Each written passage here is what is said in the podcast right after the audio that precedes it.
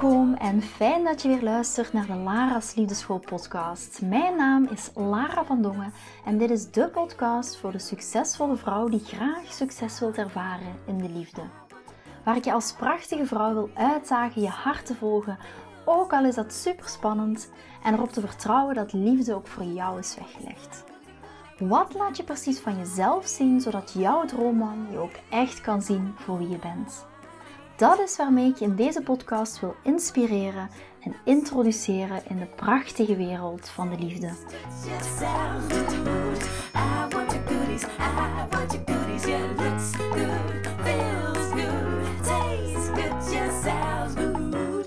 Een tijdje geleden had ik een fantastisch gesprek met Linda van Café Séparé. Linda heeft een super interessante podcast en die gaat over het leven na een scheiding. Ik denk dat dat heel kort is samengevat. Ehm, hoe ga je om met bepaalde dingen tijdens een scheiding, na een scheiding? Wat betekent dat ook voor jouw toekomstig liefdesleven? Um, hoe ga je daarmee om? Wat zijn de thema's die aan bod komen? Hoe zit het met de kinderen? Hoe gaat het met het ontmoeten van een nieuwe man? Uh, hoe ga je opnieuw daten? En dat is ook het thema waar ik het met Linda in, uh, in deze fantastische podcastaflevering over heb gehad. Ik denk dat we een uur um, het er samen over hebben gehad. We hadden ook afgesproken op een super, super mooie locatie. Waar dat we ook, en dat vond ik fantastisch, Linda, ook als je naar luistert. Um, ik, ik ben heel mooi ontvangen op een heel warme manier. We hebben samen ook een glaasje uh, gedronken. Vooral ook omdat uh, Linda pas gestart is met haar podcast. En uh, hebben ook lekker gevierd dat uh, ik tot een van de eerste afleveringen behoor. Dus uh, dat was dat is heel, heel fijn om dat ook mee te maken. En we hadden een, een heel mooi gesprek. Ik weet nog precies dat we in het begin een beetje aan het, aan het sukkelen waren. Met het geluid goed te krijgen. Op een of andere manier lukte dat niet. ik denk dat ik ik weet niet hoe dat komt, maar ik denk dat mijn energie, ik ben niet zo technisch aangelegd, hè, dus het is ook al een wonder dat ik überhaupt een podcast heb. Gelukkig heb ik uh, een fantastische assistent die dat voor mij doet, maar dus ik heb op een of andere manier heb ik zo'n energetische vibe van als ik er ben, dan werkt niks. Maar uiteindelijk is het gelukt, we, hebben het er, we hebben het beste van gemaakt, we hebben gewoon uh, ja, heerlijk samengezeten, over fantastische topics gehad en het onderwerp van deze aflevering hebben het vooral gehad over, kijk, hoe ga je opnieuw daten nadat je uit een scheiding komt. Wat betekent dat over jezelf? Wat kan je, wat kan je meenemen en leren uit je scheiding? Um, hoe neem je dat ook mee in, in de manier waarop je opnieuw gaat daten? Wat zijn de inzichten die je hebt gekregen? Hoe kwetsbaar ben je daarin? Hoe stel je weer open voor een nieuwe liefde? Um, hoe ga je daar ook weer mee om als je op plotseling gaat online daten en dat misschien al twintig jaar niet meer hebt gedaan? Uh, welke impact heeft dat ook weer op de kinderen? Um, ik heb ook een aantal praktisch huiswerk meegegeven tijdens deze podcastaflevering, omdat ik denk dat dat heel erg kan helpen. Dus het was een fantastisch mooi gesprek nu. Ik ga het niet te lang maken. Ik zou zeggen, ga er lekker naar luisteren. Kijk of het jou kan inspireren. Misschien heb je zelf net een scheiding achter de rug. Of misschien is dat een aantal jaar geleden. Of misschien ben je nu een maand gescheiden. En vraag jezelf wel af van, ja, wat de hel, hoe moet ik hier weer opnieuw aan beginnen? Hoe start ik opnieuw met een liefdesleven na mijn scheiding?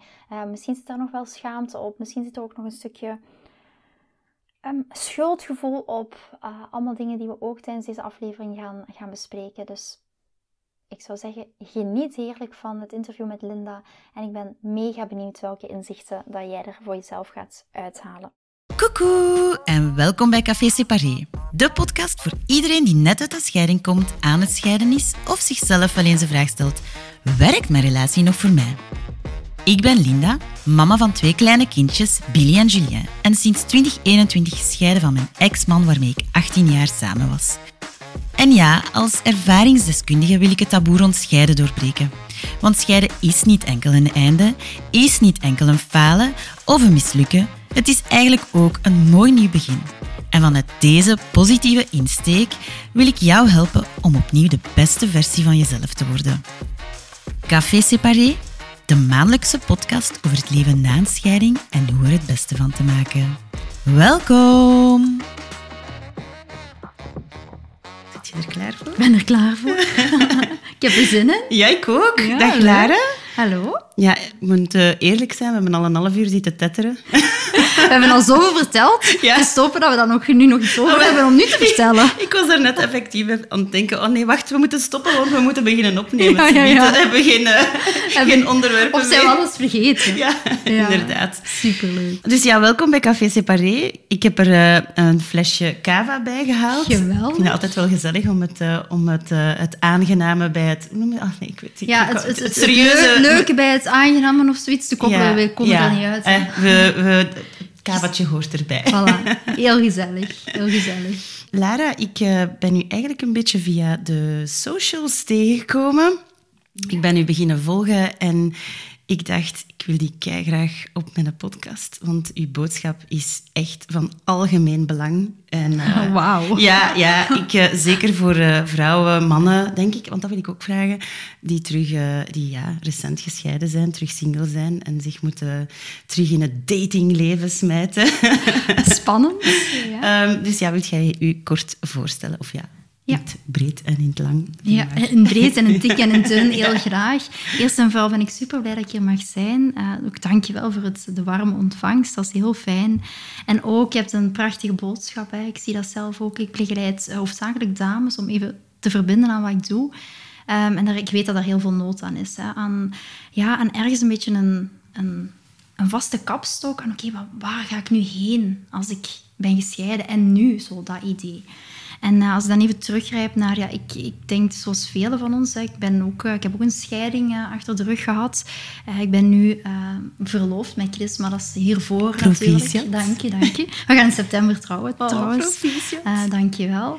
Maar um, ja, ik ben ook uit een scheiding gekomen. Bij mij was het toen ook van, ja, en nu? Hè, na een lange relatie, ja, hoe lang, hoe lang waren jullie samen met ex? acht jaar. Acht jaar. en getrouwd en al? Uh, niet getrouwd, nee, maar wel huis en ja, je kent het, hè, de traditionele dingen. Um, ja, en toen had ik zoiets van, ja, en nu? En, en ik merk, op een gegeven moment kwam ik zelf in de, single, in de single-periode terecht en dacht van, oh ja, ik heb weer zin om te gaan daten, huppakee. Maar ja, heel eerlijk gezegd was één grote doffe ellende. Ja. En, en ik ga zo dadelijk wel het haakje vinden aan, oké, wie ben ik nu? Uh, dat heeft er eigenlijk voor gezorgd, nadat ik ben gaan daten, en het lukte mij heel eerlijk gezegd niet, ik wist niet wat ik aan het doen was. Ik zag het absoluut niet als een avontuur. Het, was, uh, ja, het, het, lukte mij gewoon, ik viel altijd op emotioneel onbeschikbare mannen. En zo ben ik voor mezelf gaan uitzoeken. Van, we hebben het er net nog over gehad. Ja, ja super interessant. En toen had ik zoiets van, ja, potverdorie, hoe komt dat nu? Ik kwam altijd terug in datzelfde straatje terecht. En ik weet nog precies dat moment, soms heb je zo van die momenten dat je weet van, oké, dit is zo mijn transitiepunt, dit is zo'n moment waar dat je, er iets gebeurt en dat je denkt, oké, en nu, gaat er, nu gaan er dingen veranderen. En waarschijnlijk als je naar luistert, ja, als je uit een scheiding komt, dan is dat zeker iets wat, wat ook herkenbaar zal zijn. En toen weet ik nog, ik zat op mijn woonkamervloer in Antwerpen. Ik had net een date gehad met een man die bleek getrouwd te zijn. En dat was, denk ik, dat was... Als je spreekt over een patroon, ik zeg altijd, als je drie keer dingen tegenkomt, dan is het wel degelijk een patroon. Maar bij mij was het al de twintigste of de 21ste keer. dus ik dacht, hm, dit is echt wel een patroon. En toen ben ik mezelf gaan afvragen, ja hoe komt dat nu? En ben ik, bij wijze van spreken, het lang verhaal kort maken, een, uh, een datingcoach en uh, een coach, Amerikaanse coach onder de arm genomen. Uh, in mijn opleiding als psychotherapeut ben ik me echt gaan verdiepen in, oké, hoe werkt dat nu, zo'n balans tussen mannelijke en vrouwelijke energie? Waar we straks misschien ook nog wel op gaan terugkomen. Absoluut. En toen had ik zoiets van, oké, ik ging me daarin verdiepen, ik ging daarmee aan de slag. En toen ging ik daten. En toen had ik zoiets van, hmm, dit werkt. Er komen andere mannen op mijn pad, mannen die echt beter bij me passen, waar ik een aansluiting mee vind, die mij ook leuk vinden. En niet alleen maar dat ik in het patroon elke keer stapte van emotioneel beschikbare mannen. En wat begonnen vriendinnen van mij te doen van, hé hey Lara, je begint te daten met succes, want die kennen natuurlijk ook al die doffe ellende stories van, van te gaan, gaan daten. En die zeiden tegen mij, ja, hoe doe je dat nu eigenlijk? En toen zijn we bij wijze van spreken met vijf vriendinnen op mijn woonkamervloer begonnen met, uh, het is misschien, klinkt misschien wat onderbiedig, maar te gaan testen van oké, wat werkt, wat werkt niet. En zo is dat uitgegroeid van vijf vriendinnen tot tien vriendinnen, tot, tot, tot 25 vriendinnen. Toen kon dat niet meer in mijn woonkamer, dat was pre-coronatijd. Uh, ben ik een zaaltje gaan huren en zo is dat uitgegroeid tot 100 vrouwen. En zo is eigenlijk, als ik dan heb over Lara's Liefdeschool, wie ben ik dan, wat doe ik? Uh, zo is Lara's Liefdeschool ontstaan. Eigenlijk van het, het, de minder leuke ervaring van emotioneel beschikbare mannen tot ja, andere vrouwen. In het begin eerst vriendinnen, daarna collega's. Um, ja, En zo is Lara's dus gewoon ontstaan. Wat, ik, wat ik eigenlijk heel tof vind bij u, is dat je ook echt duidelijk ervaringsdeskundige bent. Je verkondigt het niet gewoon uh, uit, uit de theorie, maar je hebt het wel zelf effectief meegemaakt, gevoeld wat het is om te daten zonder succes. Ja. En, uh, en dan, um, dan, want wat ik, wat ik niet wist, was dat je een datingcoach hebt uh, opgezocht. Ja, het is zo. In, in Amerika bestond dat toen. Het, het, concept, want dat is nu al meer dan tien jaar geleden. Ik noem het nu een datingcoach, maar ja, een, dat concept bestond toen nog niet echt. Hè. Nu heb je er wel meerdere waarschijnlijk, maar toen bestond dat nog niet. Dus het was eerder een life coach en iemand die ook wel ah, echt met... Ja, natuurlijk vanuit mijn opleiding als psychotherapeute, waar ik toen dus nog in zat, um, ja, is er, hadden we heel veel lijntjes met Amerika en daar psychotherapeuten. En daar ben ik dus echt ingedoken met een soort van life coach die als achter, achtergrond ook uh, therapeute was, om te gaan kijken, oké, maar waar komt dat patroon bij jou nu echt vandaan? Waarom blijf je hiervoor kiezen en waarom is dat een terugkerend patroon? En dat is vaak een, een, heel, een, een veel diepere laag. Dat mm. gaat terug naar... En dat is het mooie wat je zegt van, ja, je kan... Ik zeg altijd tegen mijn dames ook altijd, je kan het diploma hebben wat je wilt, maar het gaat heel vaak, en dat is een beetje bij jou zelf, hè, waarom, daar hadden we het straks ook over, waarom start je met, met deze podcast, waarom specifiek over, hè, er is nog een leven na een scheiding, ja, bij jou ook vanuit een bepaalde ervaring. En dat is zoveel waard, en daar kan je zoveel um, ja, verschil in maken. Dus dat is heel mooi, ja. Ja, ja. want inderdaad, allee, ik wist dat je therapeut... dat wist ik, dat je inderdaad zelf therapeut bent en, en, en, psycholoog. Um, dat je dus wel die studies hebt gevolgd, maar het is nog iets anders om inderdaad de theorie te bekijken, maar effectief, waar ik bang voor was in het begin, als ik u ben beginnen volgen, is zo, ah, moeten wij ons anders gaan gedragen of mm wat? Hè? Maar het gaat, dat vind ik het mooie bij u, de boodschap is niet Nee, je moet je niet anders gaan gedragen, maar je moet gaan zoeken naar... Eigenlijk is het de boodschap, wie ben ik, hè? Ja, dat is de basis van alles. En dat is het, het mooie van heel veel dames, als ze bijvoorbeeld bij mijn webinar volgen of ja, ze, ze komen mij tegen op, op social media, dan zeggen ze heel vaak, oké, maar moet ik mezelf nu helemaal gaan veranderen? Moet ik nu, want ik zeg altijd, ja, ik, wij gaan terug naar onze natuur en ik spreek heel veel over de balans tussen mannelijke en vrouwelijke energie. En de vraag die dan heel veel opkomt als ik spreek over vrouwelijke energie, oké, Lara, maar moeten we, ons nu helemaal, moeten we nu helemaal iemand anders zijn dan dat we zijn? Zeg nee, we gaan net terug naar onze natuur. Vrouwelijke energie zit in onze natuur en we gaan op zoek naar ons eigen zijn, terug naar wie we zijn en terug naar onze oorsprong. Ja, ja, want ik heb ehm, na de scheiding was het eerste wat ik gedaan heb. Alleen nee, totaal niet het eerste. Ik zat in verdriet, ik zat in, in, in, in angsten. Ik ben heel snel beginnen daten. Ik heb dat ook al gezegd in, in mijn podcast. Gewoon om te weten van, oh my god, what's out there? En, en heb ik het mhm. nog? En, of whatever het was. Het was een manier om... nog goed in de markt. nog goed in de markt. Het was een manier om gewoon te denken van, oké, hoe gaan we deze hier aanpakken? Herkenbaar, um, Zonder enige... Ja, ik weet dat mijn moeder soms ook zo tegen mij kon zeggen van uh, je moet je zo en zo gedragen als vrouw en dit en dat. En ik werd daar altijd een beetje aan tand van. Ik heb zoiets van, sorry, maar ik ben wie ik ben. En die man moet mij maar nemen zoals ik ben. En ja. snap je? Dus inderdaad, ergens heb ik ook wel die, die persoonlijke belemmering van waarom zou ik mij anders moeten gedragen dan ik ben. Dus dat mhm. is het eerste. Maar het tweede was ook, um, wat je daarnet zei, van um, um, op zoek gaan naar jezelf. Ze zeggen ook, de tijd heel te wonden, maar gewoon de tijd, er gewoon zitten en er niks mee doen, ja, zo gaat je niet... Nee. Je moet groeien en op zoek gaan naar jezelf. En dat is het mooie wat je net ook zegt, van op een gegeven moment zeg je van, uh, hij moet me maar nemen zoals ik ben, maar wie ben jij dan? Mm. En dat is het. En dat, dat is een stukje op zoek gaan naar... Dat is denk ik ook het mooie van een scheiding. Als ik kijk naar... Toen ik uit mijn scheiding kwam, was het mooi dat ik de mogelijkheid had om mezelf te gaan ontdekken. En niet alleen, oké, mezelf, maar ook, daar zullen we straks misschien nog op terugkomen, ik spreek heel vaak over het stukje circuleren daten, ook gaan ontdekken door met meerdere mannen tegelijk te daten, wat je echt wil en wat echt bij je hoort. Heel vaak denken we dat we weten wat we willen, maar als we dan met meerdere mannen gaan daten, dan dan komt er echt iets helemaal anders uit. En dan durf ik echt, na al die jaren dat ik dit werk doe, echt ook uit te spreken. Als dames bij mij bijvoorbeeld in een traject komen, dan zeggen ze heel vaak, klaar, ik wil alles doen, maar ik wil niet bijvoorbeeld gaan circuleren daten. Ik zeg, maar dat gaat net de manier zijn waarop je het beste jezelf gaat leren kennen. Dat is één van de voordelen daarvan. En grijp dat met twee handen aan, want dat is het mooie daarvan, om echt ja, terug die weg naar jezelf te vinden, ook na een scheiding. We gaan even teruggaan naar... Dat, we gaan dus komen straks terug op dat circulerend eten, maar ik wou nog mhm. even verder gaan op wat dat je dan juist doet. Want inderdaad, wat, wat, hoe, uh, wat zijn de trajecten of wat, hoe pak je het eigenlijk aan om, om uh, de vrouwen te helpen, of mhm. ook mannen eigenlijk? ja, het is zo. Ik heb altijd als uh, psycholoog uh, mannen één op één begeleid. Uh, dat doe ik nu sinds een half jaar niet meer, omdat ik ja, heel erg gezegd gewoon de tijd er niet voor heb. Maar ik ben nu, omdat ik natuurlijk ook op een andere manier werk, nu dan dat ik vroeger, vroeger deed ik als psycholoog heel veel één op één. En nu werk ik echt met groepstrajecten. Dus wat wil dat zeggen? Meestal gaan we acht maanden met een aantal dames, starten op een bepaald punt. En we gaan acht maanden lang, dat geldt zowel voor mijn single dames als dames die een relatie hebben, gaan we acht maanden lang op ontdekkingstocht, een stukje bij onszelf. Gaan we het hebben over een stukje communicatie, grenzen aangeven, het ontdekken van onze eigen seksualiteit en sensualiteit, het ontdekken van onze eigen innerlijke wereld bijvoorbeeld is daar een heel groot onderdeel van. En dat is het mooie, dat je ziet dat ja, op zo acht, daarom acht maanden, ja, je weet ook, sommige patronen die herhaal je al heel je leven, dat ga je niet op een maand veranderen. En dat is ook mooi omdat je dan echt die sisterhood voelt. Echt die, die binding tussen die vrouwen. En dat is zo mooi om te gaan ontdekken. En dan merk ik ook in mijn werk dat ik denk van wauw, weet je... Soms kan de buitenwereld zo hard zijn. We kunnen als vrouwen zo hard zijn voor elkaar. Maar als je dan merkt in zo... Ja, ik noem het echt een zusterschap, een sisterhood.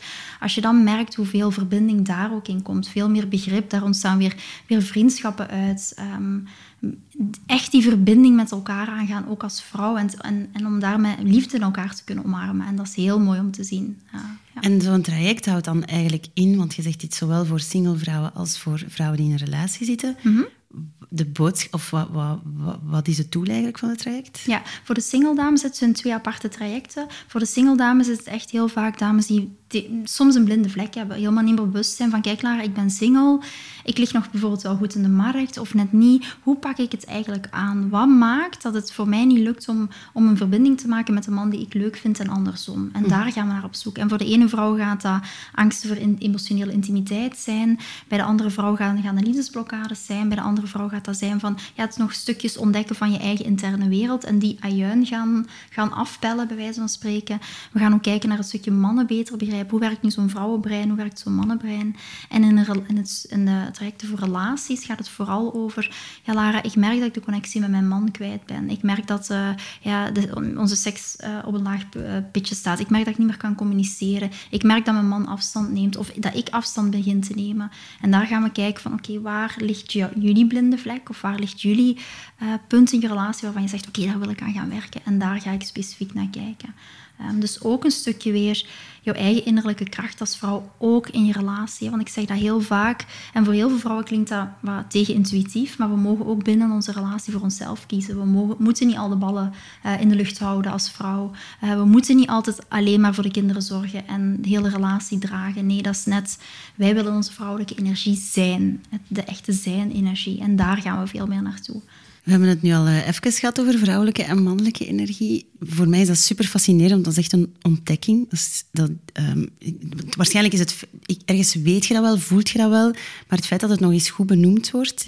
Mhm. Ik merk nu, uh, na de scheiding en, en tijd te nemen voor mezelf en, en rust te nemen ook wel dat ik heel lang in mijn mannelijke energie heb gezeten. Ik heb getrokken en, uh, ja, en ik denk dat onze maatschappij ook wel... Ja. Wij worden allemaal wat maar bon, leg even uit, wat is misschien vrouwelijke energie en mannelijke energie? Ja, het is zo, het is zoals je zegt, ik denk dat dat ook herkenbaar is voor heel veel vrouwen. En als je nu op dit moment het gevoel hebt dat je zegt van kijk, ik hou in, mijn relatie alle ballen in de lucht en, en ik ben uh, altijd in de aanstand en in de douchestand en, en mijn man zet nooit de vuilnisbakken buiten, maar ik wel. Ik denk dat dat heel herkenbaar is. We leven nu ook eenmaal in nog steeds uh, er is een, een, verschuiving aan de gang, maar we leven nog steeds in een mannelijk paradigma tegenwoordig.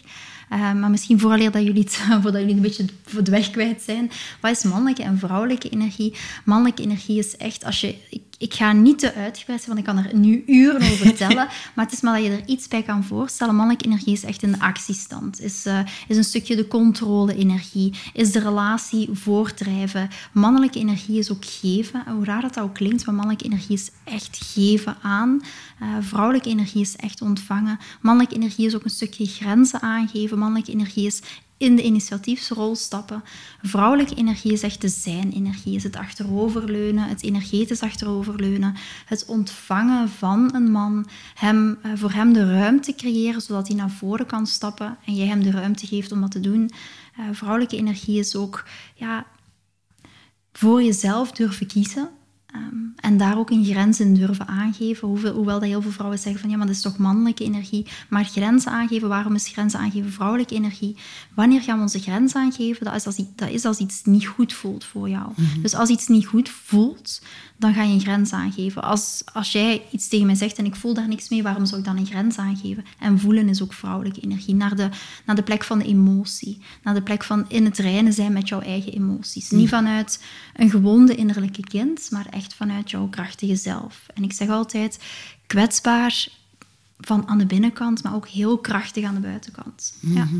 Ja, want ik weet in het begin, ehm, als, ik u, als ik u pas leerde kennen, ehm, of als ik u pas ben beginnen volgen, was het inderdaad, die vrouwelijke energie is belangrijk. En je benoemde dat die grenzen aangeven, dat hoort er ook bij. Omdat door de grenzen aan te geven, gaat je net de man ook een beetje triggeren of zoiets. Ja, ik noem het dan positieve spanning. Ja, hè. ja. Dus ik noem het positieve spanning. Waarom positief? Het is positief voor ons, maar het creëert wel spanning in uw relatie. En ik zeg, er zijn een aantal dingen waarop een man aantrekking voelt. En dat is ten eerste ruimte en afstand. Ten tweede een uitdaging zijn. En ten derde het stukje onvoorspelbaarheid. Ja. En dat is wat ik net ook benoem. Daardoor, door die drie, drie dingen te doen, ga je ook positieve spanning creëren. En een man heeft dat ook echt nodig. Want anders, daarom vragen ze aan mij vaak van, ja, moet je nice girl zijn of moet je de bitch zijn? Ik zeg altijd, geen van de twee, maar wel een, een, vrouw die haar grenzen durft aangeven. En die ook af en toe rocking the boat. Die af en toe durft zeggen van, hé, hey, oké, maar dit is, het is nu klaar. Het gaat, vrouwelijke energie gaat niet over zacht praten en gaat niet over altijd ja knikken en onderdanig Ah, zijn. wel ja, voilà. Want in het begin, als ik, als ik dat hoorde, dacht ik, ja, nee, we gaan hier toch geen rolletjes gaan spelen. We zijn toch wie dat we zijn. Maar eigenlijk, als ik zo voor mezelf zo die vrouwelijke energie durf te definiëren, dat draait dan meer als je... Ja, is een beetje flirten, hè? Ja, een beetje flirten met de wereld, maar Ja. ook, ook in die zachtheid kunnen... Maar, zachtheid kunnen blijven, maar bij mij kan die leeuwin, of ik af en toe ook, als ik zoiets heb van, oké, maar dit is mijn grens, die leeuwin, die mag ook wel eens Ja, naar ja. buiten komen. Ja. En dat bedoel ik van, het gaat niet, vrouwelijke energie gaat niet over zijn en altijd ja knikken en alles accommoderen en, en geen mening mogen hebben. Het gaat net over wel het creëren van die positieve spanning, wel het creëren van af en toe die bol te schudden, wel die leeuwin af en toe eruit laten. Maar dan wel in de vorm niet door jouw getriggerde innerlijke zelf en door jouw gewonde vrouwelijke kant, maar wel door jouw krachtige vrouwelijke kant. Ja, want ik heb, u, eh, ik heb uw laatste post gezien op eh, Instagram, denk ik dat het was, of eh, over Moederdag. Ja, klopt. was een trigger warning. En dat was zo herkenbaar. En, en, en ik, ik herkende me er helemaal in. Maar dat is wel een, ja, het is wel een kracht om... om maar allee, bon, misschien moet je het kort uitleggen, want het is natuurlijk Ja. een heel verhaal. Maar ik zal het zo, kort mogelijk houden. Het, het was over moederdag en het is zo, ik word ook eh, sowieso, ik heb al heel veel innerlijk werk gedaan, maar ik word ook nog getriggerd door Chris. Chris is mijn man. En Maar ja, zijn we dat niet allemaal... Allee, het is toch ook, we zijn toch ook allemaal mensen? Allee, Voilà. bedoel, tuurlijk, en er zit toch ook passie in ons, en dat is toch normaal? En, En dat mag ook af en toe zo die vuur in die pan. En dat mocht je ook voelen. Maar ik voelde echt van, het was moederdag. En wat, ja, ik weet niet, als je luistert zal je misschien wel herkennen. Je hebt zo'n beeld bij moederdag van... Keihard. Ja, weet je, ik wil opstaan en ik wil zo met een dateje wakker gemaakt worden. Of het ontbijtje op bed. En eh, de, de ontbijttafel staat klaar. En ja, bij mij was dat iets anders eh, gelopen. gelopen. Eh, Chris die zei me de dag daarvoor al van, oh, ik ga morgen naar de sportschool. Dus ik had al zoiets van, nou, bedoel, je gaat morgen naar de sportschool. Het is moederdag. Ja, dus ik dacht, ja, oké. Dus ik zeg daar niks op. Want ik denk, oké, choosing your battle, zeg ik altijd. Hè, kies waar dat je... Dus we laten het over aan het universum en we kijken wel hoe mooi dat we terugkrijgen. Maar ja, uiteraard word ik getriggerd. Dus, dus zij komt terug van de sportschool en zegt, ja, ik ga ook maar naar de sportschool, want ja, ik kom thuis en er staat nog niks. En ik had zelfs een filmpje gemaakt, die ik hem dan achteraf eigenlijk onder zijn neus wilde duwen, van hoe dat de woonkamer eruit zag. Eén grote roteringbende, zoals we het dan in Nederland zeggen. En ik had zoiets van, ja, is dit dan mijn moederdag? Dus ik naar de sportschool, belt hij mij in de sportschool op en zegt, ja schat, ik ga nog even de auto wassen. Ik zei, hoe laat ben jij thuis? Dus ik dacht, oh ja, hij wil weten hoe laat ik thuis ben, want dan staat alles klaar. Ik ga de auto wassen, dus ik kom thuis, nog steeds niks. Dus ik begon, ah, ik was helemaal... Dus ik zat in mijn triggers. Ja, ja. Enorm in mijn triggers. Dat is ook iets natuurlijk... Ja, die triggers is ook iets van vroeger. Hè. Dat komt vaak ergens vandaan. Triggers zijn een, een, een, een heftige reactie op een, een trauma van vroeger. Een. Hè, door soms niet gezien worden. Een wonde die daar zich ooit... En die nog niet helemaal geheeld is. Of dingen die dan weer opkomen spelen. En ehm, toen had ik zoiets van, oké, Lara gaat het loslaten. Je gaat het gewoon, wat jij je dames leert, hè, de vier stappen waar we altijd doorheen gaan, dat gaat je nu voor jezelf ook eens toepassen. Maar dat was ook zo in de badkamer met, ja, zwang en stoptool, zo. Kent je dat? Dus ik oh, dacht, man, dat is toch zo hard werken. Ja, voilà. En zo voelde dat ook. Maar ik dacht van, weet je, ik ga het nu gewoon eens op vertrouwen dat het goed komt. Uiteindelijk roept Chris mij en uh, hij zegt, ja schat, kun je eens naar de woonkamer komen? En ik kwam in de woonkamer, ja, het was fantastisch. Er stonden allerlei cadeautjes. Oh. En ze hadden hun een nummer opgenomen. En ze hadden ja, verschillende boeken die ik heel graag wilde. Dus ik heb zo, ik, soms zeg ik ook van, wees je heel bewust als, als je iets voelt en als een trigger opkomt ga voor jezelf eens afvragen van oké, waar komt dit vandaan en moet ik daar nu direct op reageren? Of is het mijn gewonde innerlijke kind dat op dit moment gaat spreken? En wees daar heel veel bewust van vooraleer je communiceert. Maar dat wil niet zeggen dat we onze gevoelens gaan onderdrukken. Die gevoelens mogen er zijn.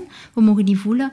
We gaan alleen kijken, oké, hoeven we ons daar nu over uit te spreken? Of gaan we dat later op een andere manier communiceren? Ik vond dat, ik vond dat een hele belangrijke, die triggers. Want inderdaad, uh, ik, vond, ik vind dat al moeilijk om dat te begrijpen. Dat is echt al een, een werk dat ik heb moeten doen om te begrijpen van wat is een trigger uh, wat is een emotie? Wanneer overdrijft je? Um, ik ben soms ook bang geworden uiteindelijk doorheen de tijd. Omdat ik weet wel, ik ben een felle. Ik, als ik iets voel, dan zeg ik het. En, ja, ja, en ik, ik, voel altijd van alles. Ik, ik zeg ook altijd, ik, ik, ik denk en, en ik, alles wat ik doe verstrekt vanuit mijn buikgevoel. Mhm. Ik vind dat heel belangrijk om iets te voelen. En meestal klopt dat dan wel ergens. Maar ja, die triggers, inderdaad, daar zitten soms kleine ja, trauma's van vroeger, van dingen die gebeurd zijn. En dan kun je veel te fel reageren op zaken dat de man of de partner of wie dan ook niet zo bedoeld heeft. En ik vond een tip van u geweldig. Ik heb die al tegen zoveel vriendinnen verteld en die moeten er altijd mee lachen. Spreek uw man aan als uw held en niet als de klootzak. en ik vind die zo goed. Zie de, ik zeg altijd, begin met de beste intentie te zien. En, en speak to the hero instead of the bastard. En dat is wel hetgeen wat ik daar ook mee bedoel van... Ehm, en kijk ook wat jouw stuk daarin is. Maar hier ook weer een kleine nuance is. Ik, ik ben heel erg van vrouwen die zelfbewust zijn, die echt aan zichzelf, die de ballen hebben om aan zichzelf te durven kijken in wat er gebeurt.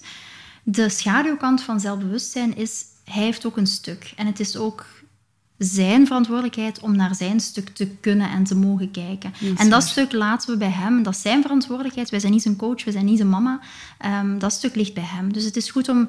Ik zeg dat ook heel vaak in mijn relatie. Van kijk, schat, dit is mijn stuk. I got it. Ik weet, dit is mijn stuk, maar dit is jouw stuk. En daar mogen we ook heel... Dat is wel goed dat je dat benoemt ook wel. Het gevaar van zelfbewustzijn is dat we heel vaak dingen ook op onszelf gaan betrekken. En soms is het niet jouw stuk, maar is het zijn stuk. Maar daar ga je alleen maar achter komen van het moment dat jij ook durft te gaan kijken naar jouw eigen triggers. Als jij weet van, oké, dit, is, dit is een gevoel, een heel intens gevoel dat boven komt en dit is mijn trigger, is het ook veel makkelijker om dan voor jezelf te kunnen weten, oké, maar dit is jouw stuk en dit is mijn stuk. Dan kun je dat ook veel beter aflijnen. Ja. Ehm, en dat is het mooie dan als je echt bewust wordt en in dat bewustzijn stapt.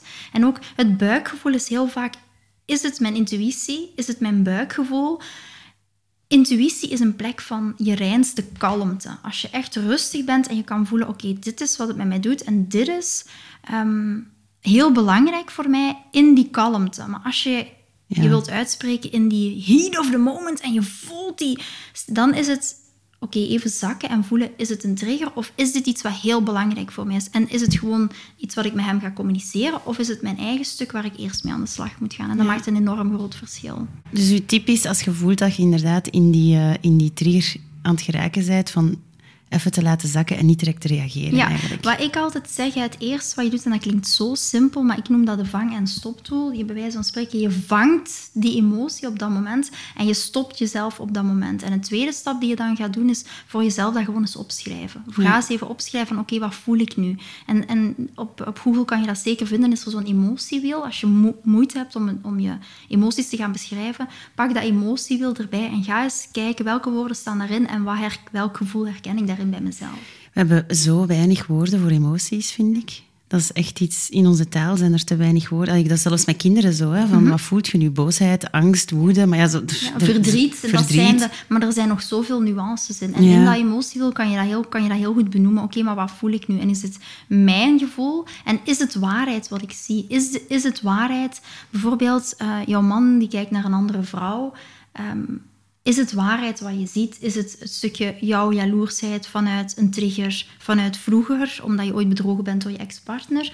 Of is het waarheid wat je ziet, wat je Mhm. echt voor je krijgt? Is het wel, wel degelijk zo? En altijd voor jezelf af te vragen, oké, is dit waarheid of is dit mijn Mijn eigen, waarheid? mijn eigen wonden ergens waarschijnlijk, hè, inderdaad. Klopt, heel interessant. Ja, heel interessante onderwerpen. Daar kunnen we duidelijk echt uren over babbelen. maar oké, laten we nu even teruggaan. Want een van de redenen waarom ik u echt heel graag eh, bij mij in de podcast wou, was... eh, we hebben daar straks al over gehad, over circulerend daten. Maar het was... Oké, hier gaan vaak mensen naar luisteren, mannen en vrouwen, die in een lange relatie hebben gezeten, al ja, vaak met hun jeugdliefde nog eh, samen geweest zijn en nu terug op die datingmarkt eh, terechtkomen. Geweldig. Ja, ehm, en ik kan me, ja, ik, ik ben daar persoonlijk ben ik daar redelijk anders in. Allee, anders, nee, dat, dat is niet wat ik wil zeggen. Ik ben daar vlot in, laten we het zo zeggen. Ik vind, dat, ik vind daten heel. Ehm, ik bekijk dat niet zo zwaarwichtig of zo. Voor mij is dat gewoon iemand ontmoeten en een gelijkgezinde ontmoeten. En gewoon eens horen van, hé, hey, wie zit er hier tegenover mij of zo? En dan zien we wel.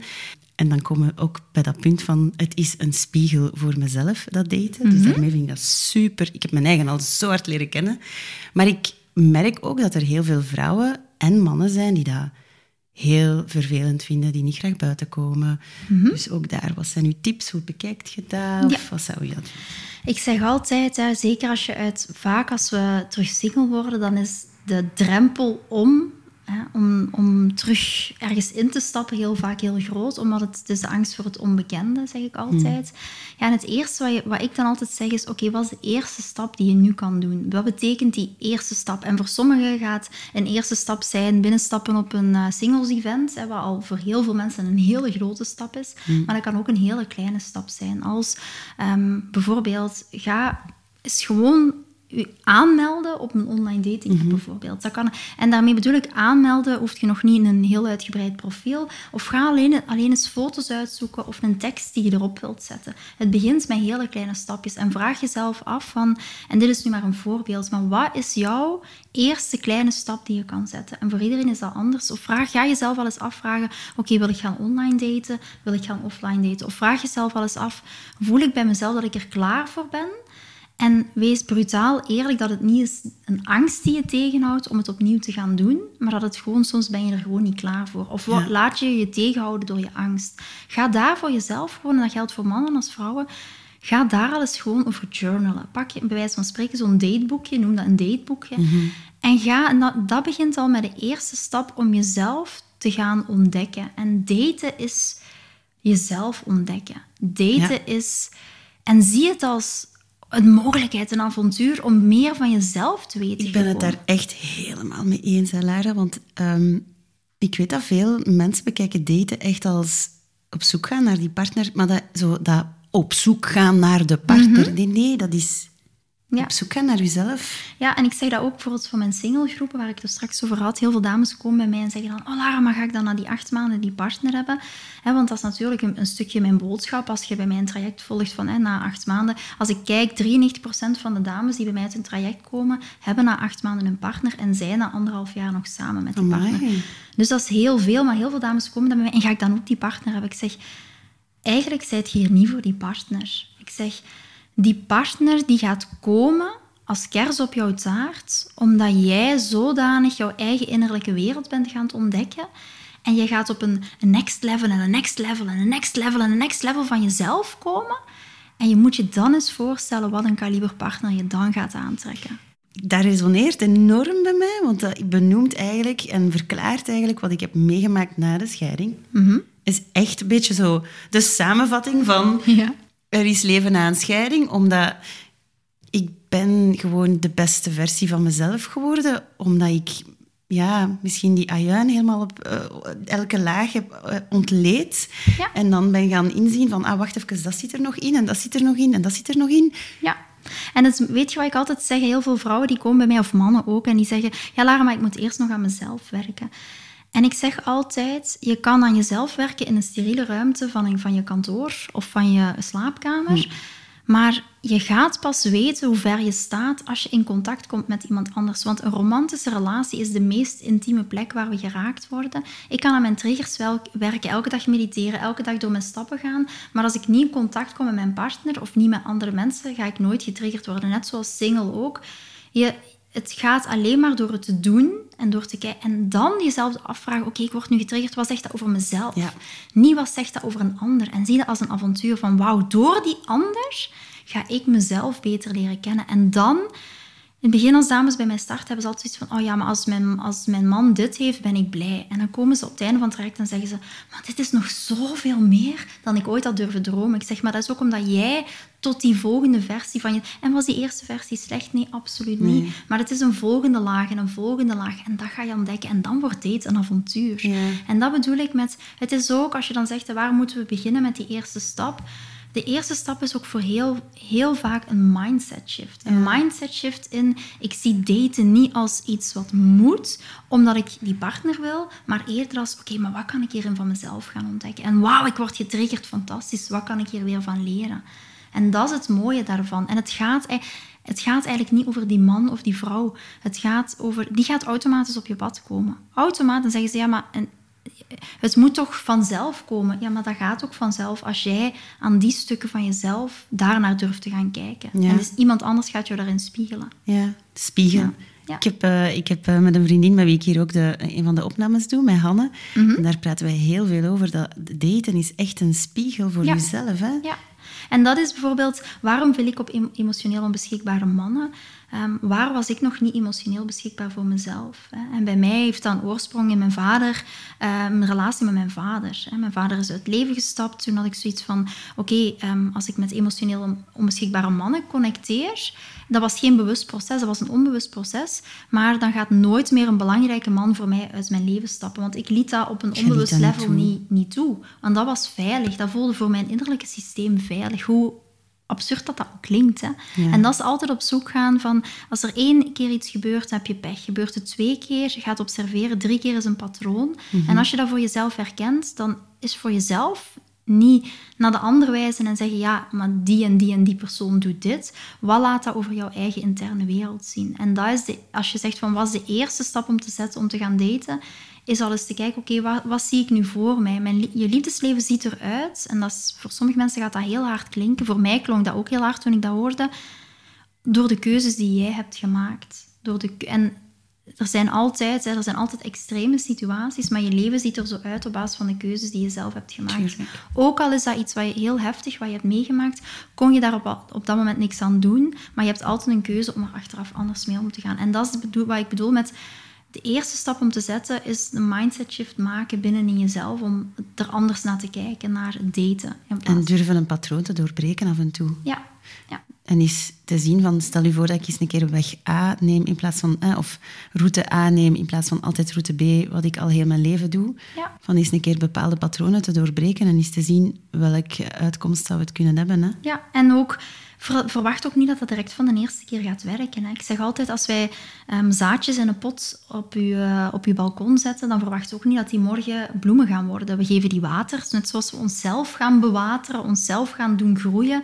En we twijfelen daar niet aan dat er ooit bloemen gaan uitkomen. Maar wat gebeurt er? Wij bewateren onszelf, we gaan zelf groeien, dan werkt het niet. En dan zeggen we, als ah, die, het werkt niet. Maar als je een bloempot hebt en je geeft die elke dag water, consistent, systematisch, gaat je eigen tuintje bewateren, dan twijfelt je daar niet aan dat daar bloemen gaan uitkomen. Dus waarom twijfel je dan wel aan jezelf? Als mm. jij jezelf continu blijft bewateren, zoals dat tuintje, dan gaat er echt wel een hele mooie bloem uitkomen. En vertrouw daarop dat dat ook op je pad gaat komen. En dat is ook een mindset. Ik, bij mij, ik heb eens een keer ergens... zo, was, dat heeft mij wel geholpen om zo wat rustig te worden of zo. Want ik geef ook wel toe, ik heb ook wel heel hard die onrust gehad. Ik wou zo snel mogelijk die nieuwe partner in mijn leven vinden en zo snel mogelijk alles... Het gat opvullen Ja, het gaat opvullen dat er inderdaad was. Maar dan is er op een bepaald moment ergens een kracht of zo in mij gekomen waarin ik besef, waarmee dat mij deed beseffen dat die man wel ooit gaat komen. Dat is misschien niet nu onmiddellijk, mhm. maar pakt binnen een jaar ja. of binnen twee jaar, maakt niet uit. Ik heb gewoon gedacht, oké, pakt binnen een jaar komt hem. Mhm. Hoe ga ik dit komende jaar zo goed mogelijk benutten? Ga ik ervoor zorgen dat ik gewoon keihard geniet van dat vrijgezellenleven. Van Ook die- fantastisch. Ja, voilà. En dus ehm, van alles doe wat ik niet zou doen als ik in eh, een relatie zou zitten. Ja, ja, ik ben 18 jaar getrouwd geweest. Ik bedoel, ik heb nu even zoiets van, ja, go it with the go. flow. Wel, Ja. let it go, genieten. eh. Fantastisch. En, en, en, maar dat, die mindset, allee, het zorgt er ergens voor van... Die man komt wel op mijn pad Mhm. wanneer de moment er rijp voor zal zijn. En ik hoef er niet meer zo naar te zoeken. Snap je? Dat geeft mij zo wel een gevoel van... Maar natuurlijk, ja, je blijft wel altijd wat uitkijken.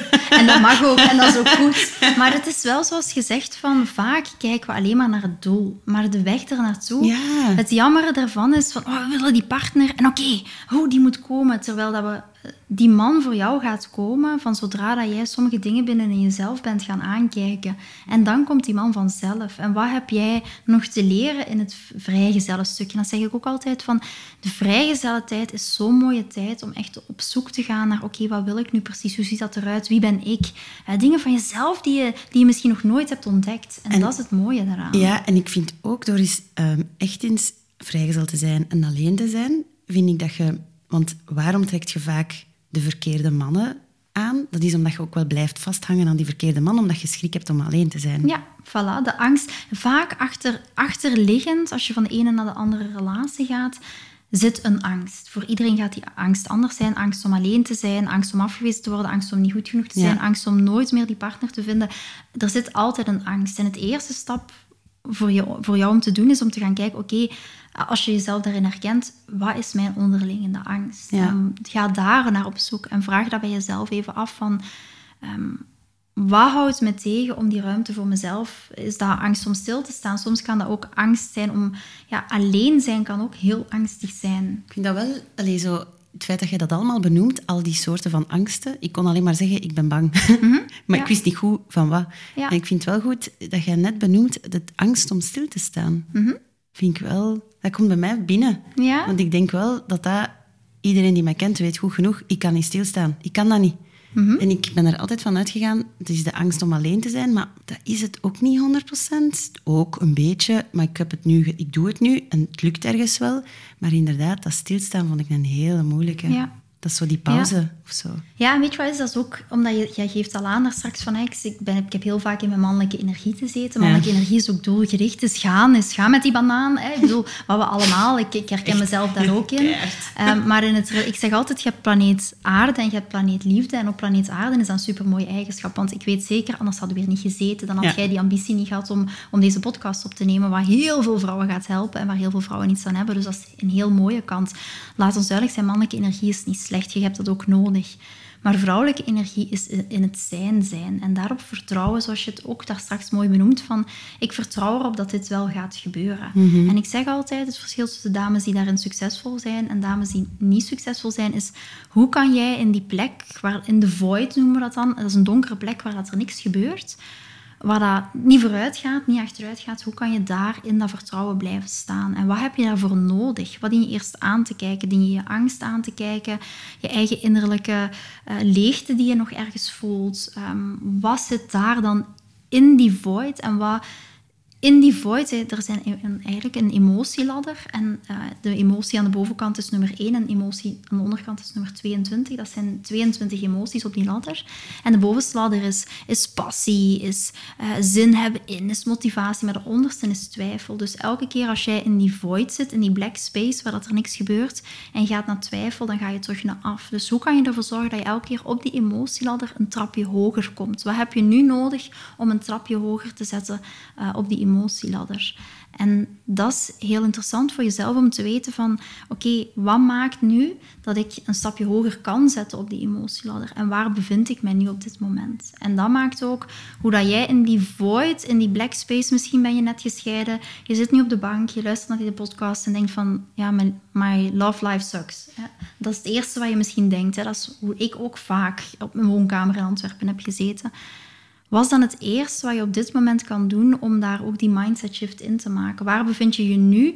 Ga je elke keer ga je daten en het mislukt en ga je dan terug naar de twijfel? Of zie je het als, oké, het is een avontuur om mezelf te leren kennen. Dat is een hele andere mindset. Maar ja, dat is ook wel, eh, ja, dat is echt wel een, een goeie om aan te geven. Ik heb dat ook gevoeld op een bepaald moment. Heb ik dan ja, kort iemand leren kennen. Dat was dan, dat was dan mislukt. En inderdaad, ik was zo bang om terug... Ja, ik had net eigenlijk een scheiding achter de rug. Maar ik was dan zo bang om dan... Oh nee, ga ik terug... Want ja, die scheiding, dat is rock bottom. Hè. Toen zat ik helemaal onderaan in dat zwart gat. Mhm. Heel diep, plat op de grond, met heel veel pijn. En ik, uh, oef, ik kon het niet aan op dat moment. En wat maakt dat je dan toch... Want ik denk dat dat voor mensen ook wel heel interessant is. Want misschien luisteren nu wel mensen ernaar. Ik weet dat jij nog maar de vraag stelt, maar mag je ook wel een Absoluut, vraag stellen. Wat maakt dan dat je op dat moment zoiets had van dat het toch gelukt is om die eerste stap te zetten. Om de eerste stap, de, de ladder terug omhoog? Ja. Of wat Hoe, wat maakt, want je zegt dat ik zit rock, bottom, het is zwart, het is een gat. Wat, is er een moment waarvan je op je herinnert van, oh oké, dat heb ik op dat moment gedaan om anders te voelen? Ja, ik... Ehm, ik ben een beetje in woede terechtgekomen eerst. Mm ja, dat zijn de, dat is de, de fases van rouw. Hè? Dat is daar eentje van. En woede heeft me wel geholpen om zo wat terug het heft in handen te nemen, denk ik. En niet gewoon te liggen in mijn verdriet. Er was nog altijd wel heel veel verdriet, maar die woede heeft mij terug een beetje kracht gegeven om sterker te worden. Mhm. Dus dat is zo wel een shift geweest. Maar woede is niet gezond en moet je daar zeker niet in blijven. Maar dat was wel een beetje de drijvende kracht om ervoor te zorgen dat ik uit dat diep dal geraakte. En maar ja, je valt elke keer terug, hè, maar je weet... En dan is er ook een moment geweest, en dat heeft mij ook heel hard geholpen, dat is een gesprek met uh, een therapeute, die, waarmee ik ook een gesprek heb gehad, waarmee die echt tegen mij zei van... Ga eens liggen en loop niet weg van die angst en van dat verdriet en mhm. van die... Het is allemaal rottig. Mm en dat heeft mij... Want ik, ging, ik liep er de hele tijd van weg. Hè. Ik stond niet stil. Hè. Mhm. Het komt hier helemaal naar boven. Ja, dat is mooi. Maar ik denk dat heel veel mensen zich daarin herkennen. Ik heb dat ook gedaan. Hè. Dus uh, vanuit woede, vanuit... dit gaat mij niet overkomen. Vanuit dit kan toch niet. En dat werkte um, niet. Hè. Ja, en dan loop je weg van... Ja. Hoewel dat een goede drijfveer kan zijn, maar niet op lange termijn. Niet op lange termijn, nee. En dat is echt een stap geweest Ehm, en ik weet nog dat ze mij zei van... Ik had dan net het weekend uh, de kinderen niet. En als ze zei, plan is niets en ga eens gewoon een hele dag Netflixen, niks doen. En ja. ik vond dat heel moeilijk, want ik zit zo niet in elkaar. En dan uh, heb ik dat gedaan. En dan na een halve dag had ik al zoiets van... Oké, okay, maar ça va eigenlijk wel. Mm -hmm. En dat weekend hè, heeft mij keihard deugd gedaan. Ja, om eens stil te staan. En dat is mhm. ook wat daar straks benoemen van die vrouwelijke energie, de zijn-energie soms is gewoon zitten met jezelf. En dat kan hè, voor jou bijvoorbeeld beginnen met Netflix, maar ook gewoon eens een boek erbij pakken en eens gewoon gaan opschrijven. Oké, wat doet dat met mij? Wat, wat heel voel veel ik beginnen nu? schrijven toen. Ik ben toen heel, heel veel beginnen gewoon... Uh, ik, ik, had dat ergens gelezen, ook zo, hè, Google, uh, Google Doctor mhm. is your friend, whatever. en dan had ik er ergens gelezen van, pak eens een boek en zo, een, hoe noemde dat? Een hersendump of zoiets, ja. was het zo? Ja, een brain, dump. Ja, een brain dump. En ik heb dan uh, gewoon inderdaad maar echt pen en papier gepakt en beginnen schrijven zonder whatever. Gewoon mhm. schrijven, schrijven, schrijven, schrijven, schrijven. Oh, dat was helend. Ja, wat er uitkomt. Ja. Dat heeft veel deugd En heel vaak zitten we in zo'n situatie dat je op je woonkamervloer ligt en denkt, ik ga hier nooit uitkomen. Maar er is altijd iets wat je kan doen. Al is dit maar een eerste kleine stap. Al is het maar gewoon de dingen gaan opschrijven of spreek het in tegen je telefoon. Of, of maak een soort van een dagelijks klein ritueel, maar maar vijf minuten of tien minuten. Ik zie dat bij mezelf ook. Hè. Zoals jij ook beschrijft, van het leven is wat het is. Ik, heb ook, uh, ik ben niet een always kabbelende beek. En altijd, ik heb ook emoties, dat gaat bij mij ook naar boven en naar beneden. Maar ik heb wel dagelijkse kleine routines waar ik, en dat klinkt heel saai, maar waar ik me wel aan vasthoud. Dat kan beginnen met s morgens ofwel vijf minuten mediteren, ofwel vijf minuten luisteren naar een rant van iemand. En s mm. s'avonds voordat ik ga slapen, bijvoorbeeld een potje met dankbaarheidsbriefjes. Uh, dat kan heel klein zijn, maar dat maakt op lange termijn echt een heel groot verschil. Dus als je er naar luistert en je vraagt, oké, wat is nu de eerste stap wat ik mm. ga doen als ik uit zo'n scheiding kom en ik voel dat zwartal, kan het beginnen met zoiets kleins. Ja, was ook een tip dat ik had gekregen. Ehm, elke avond voordat ik ging slapen, even noteren wat, drie dingen waarvoor ik dankbaar was. En dat konden de kleinste dingen zijn. En mhm. dat kon zijn mijn moeder dat een koffietje voor mij had gezet, bijvoorbeeld. Allee, zo die kleine dingen, de vriendinnen die bellen, het loopje dat ik had gedaan. Ehm, maar dan word je daar weer bewust van. Want heel vaak dan weten we dat wel, maar het is door het op te schrijven. En wat ik dan altijd deed, is op het einde van de maand, dat, ik, ik schreef daar altijd een, een, uh, een eh, datum op. En op het einde van de maand deed ik dat open en ik las al die briefjes nog eens opnieuw. En Oh, dat is ja. super mooi. En wat Ja. ik dan ook een tijd gedaan heb, is soms zeg je van, oh, mijn moeder heeft die dag dit voor mij gedaan. En dan maakte ik op het einde van het jaar een apart boekje voor mijn moeder. En daar pakte ik al die briefjes in. En dan gaf ik dat aan haar voor haar verjaardag. Of, en dat geeft niet alleen een warm gevoel voor jezelf, maar ook die persoon die dan voelt van, wauw. Ja. En dit zijn zo kleine dingen, maar die zo'n wereld van verschil maken, omdat je dan weer ook in verbinding gaat met jezelf, maar ook met die ander. Ja, en maar nu, wat er nu even door mijn hoofd gaat, is... Want ik weet wel, ik weet dat veel mensen tegen mij zeggen van je bent sterk en je bent krachtig en bla bla bla. En dat is soms ook wel zelfs een trigger bij mij van, ja, maar ja, niet Jij zit toch een sterke vrouw? Ja, je bent toch een sterke dat is vrouw. bij mij ook. De, de alle- met Lara is alles goed show. Ja, ja, ja. dat, ja. Maar Ja. maar ja, dat, dat, dat de, ja, de buitenwereld dat misschien wel kan denken, maar ik ben diep gegaan. Hè? En Mhm. ik bedoel, en je bent niet alleen. Hè? Iedereen die... En dat is wat dat proces, en waarom ik deze podcast net wil doen, is iedereen een hart onder de riem te steken van, weet je, iedereen gaat deze do- door dit proces en het is normaal dat je hier door moet gaan. En je zit hier echt niet alleen in Nee. eigenlijk. Hè? En het is heel herkenbaar. Het is zoals gezegd rock bottom. Zoals Ja. gezegd, je voelt je dan ook echt rock bottom. En bij Ja. jou, zeker als je 18 jaar een relatie hebt gehad, kinderen, een heel leven opgebouwd. Ja, dat is gewoon rouwen. Dat is echt een- en dat vergeten we heel vaak. Hè. Vaak als iemand komt overlijden, eh, en ik hoop dat ik nu niemand daarmee ga schofferen of zo, maar als iemand komt overlijden, dan is het ja, iedereen in jouw omgeving ehm, die snapt dat dat na een jaar of na twee jaar nog niet helemaal verwerkt is. Maar als er een scheiding is, dan is het precies van oké, ja, jullie gaan uit elkaar, er gaan duizenden mensen uit elkaar. Ja. En huppakee, vooruit met de geit. En, maar ook vergeten we heel vaak dat dat ook een heel natuurlijk rouwproces is. Maar Ja. niet alleen een rouwproces voor je partner, maar ook voor je kinderen. Maar ook een rouwproces voor jou van de vorige versie van jezelf. Je neemt ook afscheid van een bepaalde vorm die je over jezelf, je beeld wat je Ja. hebt over je toekomst, daar neem je ook Ik heb afscheid daar van. echt, dat, dat was voor mij de grootste. Dat was heel mijn individu, mijn heel mijn zijn verdwenen. hè. Want ik was Linda, de vrouw van, Mhm. Ja. getrouwd, perfecte huwelijk voor de buitenwereld, zo wat. Hè. En, en dat beeld, ja, ik was plots de gescheiden vrouw. Ik had het daar heel moeilijk mee. Dus dat, dat is nu... nu ehm, ik omarm absoluut niet het woord gescheiden, want ik vind dat nog altijd zo... boah. Maar wel de singlevrouw, zo. Hè. Ja, ja. De avonturier. de- ja. Ja, zoiets. Ja, Ja, zoiets. Ja, ik vind ook... Het, ma- het hoeft niet meer zo dat gescheiden te zijn, maar gewoon... ja, Ja, ja, ja. er is van alles dat wel op mijn, eh, op mijn pad mag afkomen. Zo. En nu is het Linda. En niet meer Linda, de entiteit met een partner. Ja. Nu is het het mooie. En dat wil ik ook misschien nog meegeven als boodschap. En dan merk ik het verschil met mijn relatie nu en mijn vorige relaties die ik heb gehad. Ik ben Lara nog steeds, met mijn, mijn, mijn eigen entiteit. En vroeger was ik Lara van, was ik de Ah, ja. partner van. En ik heb nu, merk ik bij mezelf van ik ben niet alleen moeder, ik ben niet alleen partner, maar ik ben ook nog steeds Lara met mijn eigen interesses, met de dingen die ik wil ontwikkelen, zonder bezig te zijn met het drama van mijn relatie. Zie, dat is toch uiteindelijk zo'n eerste serieuze break-up of scheiding, of wat het ook mag zijn. Ik zou het iedereen aanbevelen. Ah, wel ja. ik weet dat ik op een bepaald moment zei... Ja, maar uiteindelijk, oh, what doesn't kill you makes you stronger. Ik, zou, ik bedoel, bijna iedereen moet het meemaken. zo. Voilà, dus de boodschap van deze podcast, het is tijd om uit elkaar te gaan. Oh my god, je voor. Nee, dat gaan we dus niet doen. Want dus voor alle mensen die in een relatie zitten, ik bedoel, luister hiernaar en neem er mee uit wat dat je er... eh, allee, Ja, leren- voilà. Ook al heb je een relatie. Ja, ik, ik heb altijd zoiets van, het is zo... En, en, ik ben mijn, mijn zoontje is nu bijna drie en de oudste is vijftien. En het is heel vaak het gevaar dat we onszelf verliezen in een stukje moederschap, in een stukje partner zijn. En ook ik heb daar ehm, voor een stuk mee geworsteld. Hè. I'm not perfect, I'm only human. Maar ook wel ehm, heel bewust zijn van dat we onszelf daar ook niet in verliezen in dat Ja. stukje. Dat we nog altijd onze eigen ik mogen omarmen.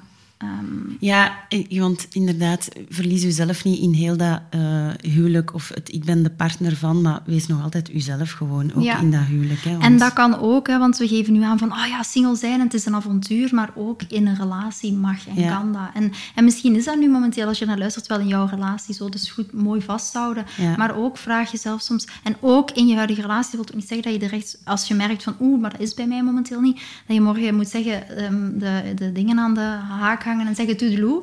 Maar wel, ook daar kan je stappen in nemen. Ja. En dat leer ik dat- mijn dames ook heel vaak van. Ook in je relatie mag je kiezen voor jou. Ja, absoluut. Ja, en ook, allee, heel eerlijk, dat single zijn is ook niet constant uh, roze geur en maneschijn. nee, voilà. nee, echt wel totaal niet. Want dit, we waren daar straks al het gesprek begonnen met veel gezever over alleen zijn, maar bon. Ja, voilà. En dat is het ook wel zo. Want weet je, we moeten dat ook niet zien als een almighty nee, thing. Nee. Het is mooi om jezelf te ontdekken, Ja. maar er zijn ook heel veel schaduwkanten aan. Ja. Eh, En dat is ook altijd mooi en dat mag ook. En dat Ja. is ook zo. En een stukje, misschien de eenzaamheid of het alleen zijn of de angst om, gaat het mij ooit nog lukken? Eh, de angst om, ja, misschien heb je op, een gegeven moment zoiets van de angst om alleen oud te worden. Ehm, de Ja. angst om er met je kinderen alleen voor te komen staan, hè, wat ook een heel verantwoordelijkheid is als je single mama of papa bent. Eh, Ik denk dat dat ook niet te onderschatten Nee. is. En dat is er. En inderdaad, ik kan zo wel happy, joy, joy doen, maar er zijn toch wel nog heel veel momenten dat je echt denkt, wauw, ik moet het allemaal alleen doen. En, en ik zeg vaak tegen de vriendinnen dat ik... Het stuk dat ik echt mis, is zo een praktische man in huis. Mijn lamp Zo is wat kapot. Met lampen op te hangen of zo van die dingen. Ja, of eens gewoon hulp kunnen vragen. Ja, dus Voilà. eigenlijk komt het daarop Ja. neer. Want ik heb dan ook vriendinnen of, of mijn broer of allee, mijn papa die wel komt helpen en zo. Maar toch, ja, je mist soms zo wel ja, dat, Ja, die of steun. ook als er met je kinderen iets is, dus stel er is op school iets geweest of ze hebben het moeilijk op school, of, of er is, dan is het ook altijd fijn als je dat met iemand kunt delen. Ja. Iemand die als je s'avonds thuis komt, die vastpakt en zegt, schat, komt wel in orde, zal ik eens een gesprek aangaan of whatever. Ja. Eh, dus het is zeker niet alleen eh, happy, happy, joy, joy. Dat, Nee. dat, en dat hoeft het ook niet te zijn en ook dat mag er zijn. Ja, ik wou nog over één ding met u dan babbelen, want we hebben het er nog niet over gehad. En we Ja. hebben gezegd dat we erover Ja. praten. Over circulerend daten. Yes, fantastisch. Geweldig. Wil je dat even kort kaderen, of ja, gewoon kaderen wat dat, dat betekent Ja. voor u? Circulerend daten is, als je het gewoon in één zin zou moeten samenvatten, is met meerdere, voor mij dan, als ik, omdat ik vrouwen begeleid, met meerdere mannen tegelijk daten. Ehm, laat ons eh, duidelijk zijn, ehm, het is niet met meerdere mannen ehm, seksen. In bed duiken, dacht ik te zeggen, ja. Voilà. Hè, dus daar gaat het niet om. En ook binnen het circulerend daten, ja, is hoe transparant ben je daarover? Wanneer ben je daar transparant over? Hè? Dat is ook belangrijk. Hè? We gaan dat niet... ehm, heel vaak hoor ik van dames terug zeggen, ja, maar ik ben een open boek en ik wil daar heel open in zijn. Ik zeg ook, ja, waarom mag je daar niet open in zijn? Tuurlijk, je mag ook met de man waarmee je date daar open in zijn. Als die vraag komt, kan je ook zeggen van, kijk, ja, ik hou heel graag mijn opties open omwille van... En ik weet dat er een heel groot taboe eh, ligt op... Dat is een taboe. Ja, met ehm, meerdere mannen tegelijk daten. Ik weet ook nog toen ik begin met het werk begon, ehm, probeerde ik dat altijd zo pas duidelijk te maken dat we dat gingen doen als dames één keer in mijn traject zaten. Want ik had de, de angst om dat uit te spreken van, oh my, wat gaan de mensen daarvan vinden? Oh nee, die Lara die zegt, wauw, je moet met meerdere mannen, huppakee. En dus dat idee. En toen dacht ik van, dus ik durfde dat niet uitspreken. Daar lag voor mij een, ook een enorme angst op, een angst om afgewezen te worden. Voilà. Ah, en doen mannen dat niet sowieso? Voilà, het is zo. Ik heb Ja. natuurlijk ook mannen begeleid. En als je dat bij mannen eh, navraagt, dan krijg je dat ook heel vaak terug. Van, ja, maar Lara, ik date ook met zoveel vrouwen tegelijk. Maar natuurlijk, als het serieuzer wordt, ja, dan Ja. stop ik daar ook mee. Ja. En dat is hetzelfde bij vrouwen. En ik zeg altijd, waarom ook circulerend daten? En dat is nu, ja, en dat is ook het rea- de realiteit.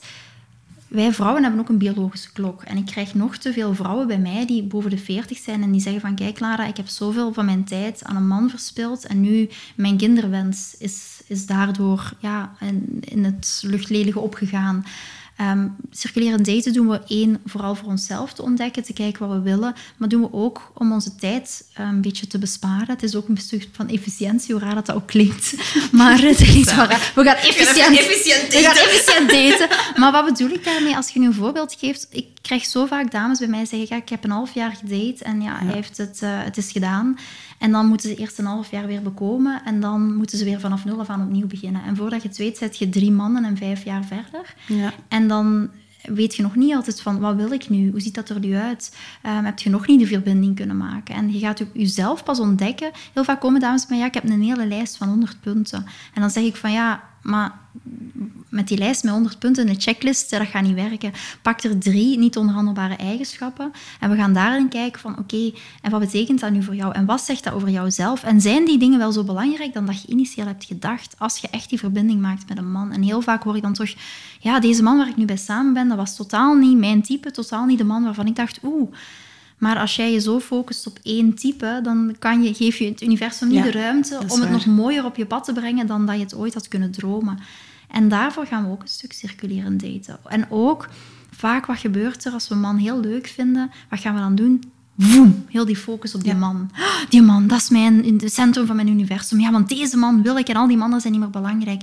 Maar we gaan ook net circuleren daten om dat te, om dat te vermijden. En zolang dat jij in die energie kunt zijn van overvloedsenergie, en er is een overvloed aan mannen, dan gaat die man die jij heel erg leuk vindt, gaat ook voor jou kiezen. Hoe meer dat jij voor jou kiest, hoe meer hij voor jou gaat kiezen.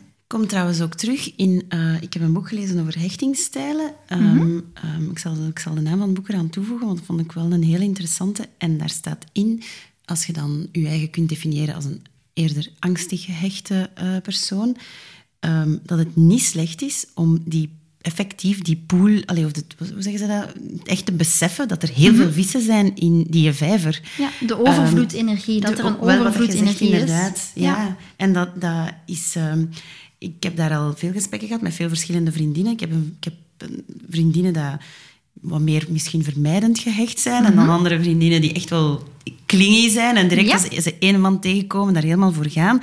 En ik vind dat super interessant. Van inderdaad, je ziet dat besef dat er nog zoveel andere mannen zijn daarbuiten. Mm En dat maakt u gewoon... Dat betekent niet dat je met iedereen in bed moet duiken, maar gewoon dat, dat, besef in je hoofd van... Het is niet de enige hier, hè? Ik bedoel... Ja, en ik had onlangs nog een van mijn um, love queens uh, die een relatie heeft en die miste de intimiteit van haar man. En op een gegeven moment was het al was het op zo'n... Ze kwam toen bij mij en zei, ja, we hebben echt een hulp nodig. En ze gaf nu aan, het is al zo ver dat op een gegeven moment ik het zelfs niet meer wil dat het goed komt.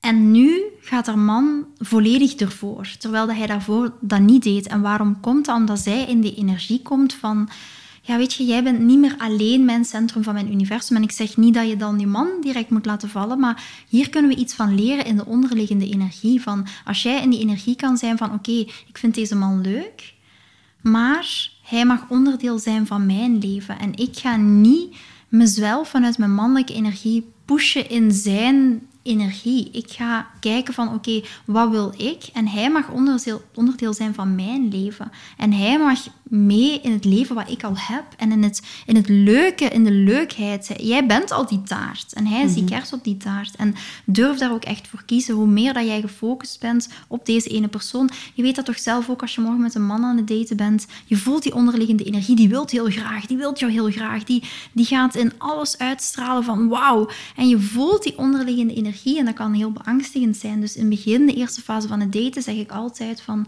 circuleren daten in de eerste drie maanden is echt belangrijk. Ook om die focus vooral ook bij jezelf te houden. Wat vind jij voor jou belangrijk? En ik dat gaat misschien wat oneerbiedig klinken. Ik had dat hiervoor ook al gezegd, uh, voor, voordat wij het gesprek hadden, van het is maar een man. En dat is niet oneerbiedig naar een man bedoeld. Maar als je jezelf voelt in die focus gaan naar deze ene man, zeg dan even bij jezelf: oké, het is maar een man. Met alle respect voor deze Van man. De zoveel, ja. Maar het is wel zo dat je jezelf niet helemaal gaat verliezen in de ander. En, want je legt die eerste drie maanden echt al de basis voor die relatie. En dat is heel vaak het gevaar dat we onszelf dan gaan verliezen in die op chemie gebaseerde liefde. Dat we denken van. Oh, en daarom is circulerend eten heel krachtig. Omdat je dat dan een beetje gaat relativeren. Hè? Ja, en ik zeg ook altijd, hè, je kan hier een mening over hebben. En dat mag ook, we mogen overal een mening over hebben. Ik zeg ook niet dat, dit, um, dat je dit dat, dat voor jezelf...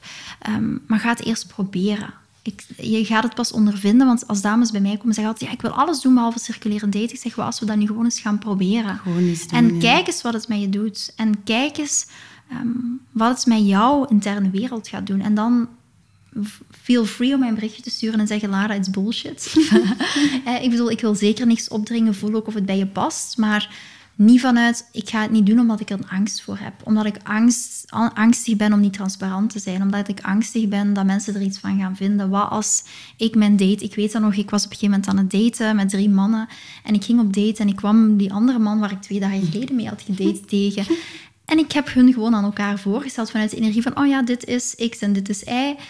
En het is maar hoe je er zelf mee omgaat. Natuurlijk. Het is maar als er zo'n lading op ligt, ja, dan voelt dat awkward. Maar het is hoe ga je er zelf mee om. Ik heb geen enkele verplichting aan een man waar ik één keer mee gedate ah, Nee, ik vind dat ook. Ik vind dat ook eigenlijk een gekke gedachte dat dat niet zou voilà. mogen of kunnen. En natuurlijk, als je een paar maanden verder bent, is dat iets anders. maar in de eerste periode, je bent dan niemand... Net zoals die man aan jou ook niks verplicht is. Een man waar dat je één keer een date mee hebt gehad en je hoort die vier dagen niet, ook helemaal oké. je bent aan elkaar niks verplicht. Ja. vind ik ook wel. En als je de heftigheid voelt van die emotie, als ik dit zeg, of je voelt, dan is dat echt een onderliggende trigger. Ja, dan zegt dat eigenlijk veel meer iets over wat dat uw verwachting is daarvan. Ja. En, en dat je, Ja. het feit dat je daar inderdaad op reageert. Ja, voilà. Ik vond dat vroeger ook niet gemakkelijk. Als Nee. iemand mij vier dagen lang niks liet weten. Ik ook niet, want dan was het bij mij al direct van... Ja, dat niet eh, dat is, eh, hoe, hoe zeggen we het dan weer? Dat is eh, aantrekken en afstoten en dat is hot en cold die- gedrag. Die, en, eh, spelletjes en daar doe ik niet aan mee. Voilà. Terwijl nu besef ik zo hard van, ja, maar ik, heb dat, ik, die, ik, ver- ik verwacht, allee, ik hoef daar eigenlijk niks van te verwachten. Mhm.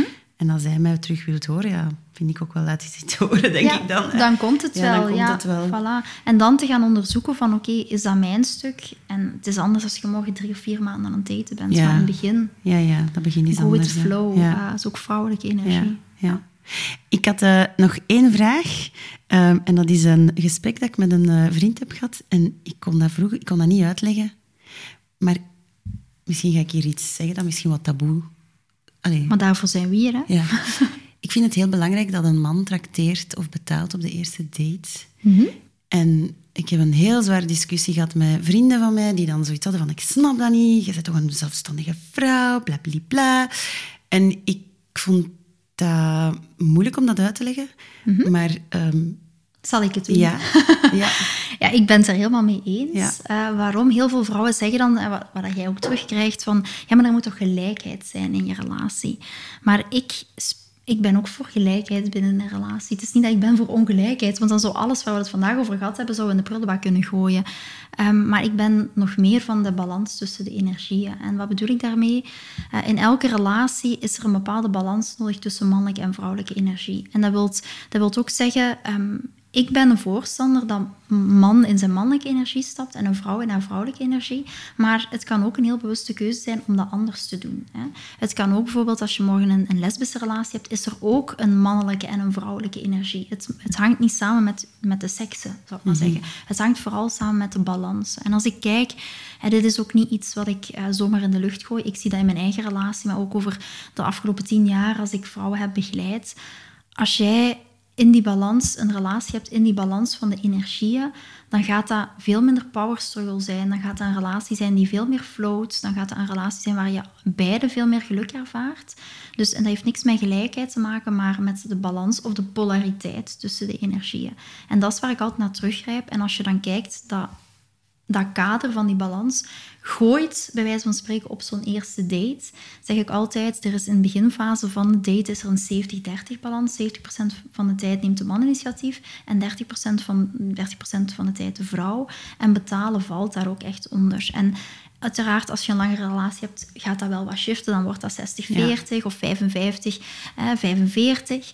Maar in een eerste interactie ga je altijd, of een eerste date, is het echt wel de man betaalt. Ehm, waarom ook? Dat valt onder dat stukje mannelijke energie. En ook, we geven een man niet altijd wat hij wilt, maar we geven een man wat hij nodig heeft. Een man heeft dit ook nodig om die rol van die mannelijke energie op te nemen. Ook al is dat voor hem een onbewust proces. Want als ik, ik heb zo lang mannen begeleid, dus ik spreek echt wel uit ervaring. Heel vaak krijg, krijg ik van een man terug, nee, een vrouw die mag ook betalen. Kom aan, we leven toch in een wereld van gelijkheid, hè, zoals jij ook aangeeft. Maar als ik daar dan op doorvraag bij die mannen en kijk en hun vraag van kijk, je bent nu met een aantal vrouwen aan het daten, waarom voel je meer voor deze vrouw en waarom minder voor die andere vrouw? Omdat zij in die kracht van haar energie, omdat zij ook durft uitdragen waarom dingen voor haar belangrijk zijn, omdat zij in haar vrouwelijke energie kan zijn en voor mij die ruimte laat om de de rekening te betalen. Wilt dat, wilt dat zeggen dat de man altijd de rekening moet betalen? Wilt dat zeggen dat we tien dates in een sterrenrestaurant moeten gaan eten en dat we hem de rekening laten betalen? Dat is iets anders. Maar op een eerste date is dat belangrijk voor de balans tussen de energieën. En een man die mag die spanning wel wat voelen. En stel nu, ik zeg altijd, stel dat je op een eerste date gaat met een man en je weet hier gaat het bij blijven. Dit gaat het nooit worden. Dan kan je ook bewust de keuze maken van, kijk, zullen we de rekening splitten? Want die balans tussen die mannelijke en vrouwelijke energie, dat gaat op lang. En dan heb je zoiets van, oké, als dat voor jou zo voelt. Maar de basis voor de balans tussen mannelijke en vrouwelijke energie wordt al gelegd bij zo'n eerste date. En daar valt betalen voor ehm, een stuk onder. Omdat de man de provider is. Een man neemt vanuit die basis ook die rol op. Ja, het is, het, is, het is de provider en dat hoeft daarom niet te zeggen dat hij gaat zorgen voor u, eh, gaat betalen voor u of u gaat onderhouden, maar wel, het is zo wat dat zorgende. Het is zo wat het... Ja, het gedragen voelen Het door. gedragen voelen door, ja. ja. En het is een hele fijne ervaring voor een vrouw. En weet ook als mannen hier naar luisteren, hè, het gaat ehm, je zoveel meer brengen als man ook, om vanuit die dynamiek, want het, die dynamiek wordt niet alleen maar gecreëerd door een vrouw, maar ook door een Mhm. man, om vanuit die dynamiek in een relatie te zijn. Ja. En ja, ik snap... Ja, en gewoon even een korte tip. Ik denk dat het niet betekent dat je elke keer moet gaan eh, een drie gangen diner gaan betalen. Een koffietje, een lunch, ehm, gewoon een wijntje gaan drinken, Ja. is gewoon ook een korte manier om iemand te leren kennen. En ja, dan betaal je. Dat kost geen... allee, dat is niet Dat het kost geen stukken van zo, je voilà. lijf, hè, voilà. Maar je toont daar wel mee van, ik, ik trakteer en als het leuk is, kunnen dan nog beslissen van samen iets te gaan eten. Maar ik bedoel Voilà. gewoon het feit dat die eerste date de man de stap zet, Ja.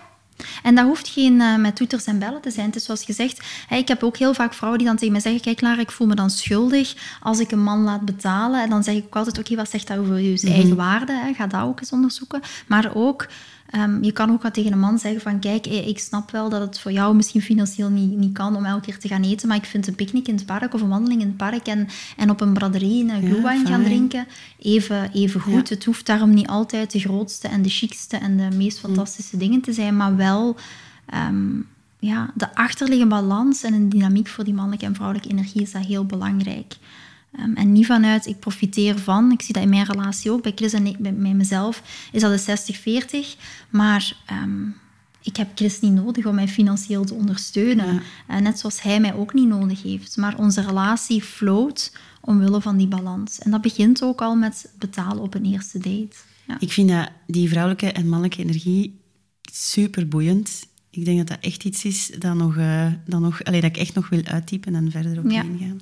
Ja, heel interessant. En ik heb daar onlangs ook nog een podcast over opgenomen van heel vaak vragen mensen aan mij, oké, maar wat is nu de basis van een goede relatie? En wat hoort je dan eerst heel vaak is, ja, dat is zeker communicatie. Maar dan zeg ik, voor mij is dat geen communicatie. Voor mij ligt dat echt in de balans tussen die mannelijke en vrouwelijke energie. Ah, oké. Ja. Cool. Als je dat hebt, dan kan je je relatie echt op een heel andere manier gaan beleven. Ja. Ik denk dat dat wel heel veel, voor heel veel inzichten kan zorgen. Absoluut. We gaan stilletjes aan naar het einde van onze, van onze aflevering. Is er nog iets dat jij graag wilt toevoegen? Of tips aan onze, aan onze luisteraars? Mhm. Of, ehm, Ja, ik denk ook vooral, waar dat we het straks al een beetje over gehad hebben, als je kijkt naar... ehm, ik kan me voorstellen, heel veel dames hier naar luisteren, hebben vandaag heel veel, of mannen, eh, hebben he- vandaag heel veel eh, dingen gehoord. Van, oké, hoe kun je nu gaan daten? Hoe zit balans tussen mannelijke en vrouwelijke energie en circuleren daten? Maar misschien luister je ernaar en zit je nu momenteel nog eh, met een pak zakdoekjes in je zetel. Ehm, dan zou ik vooral bij jezelf gaan kijken van...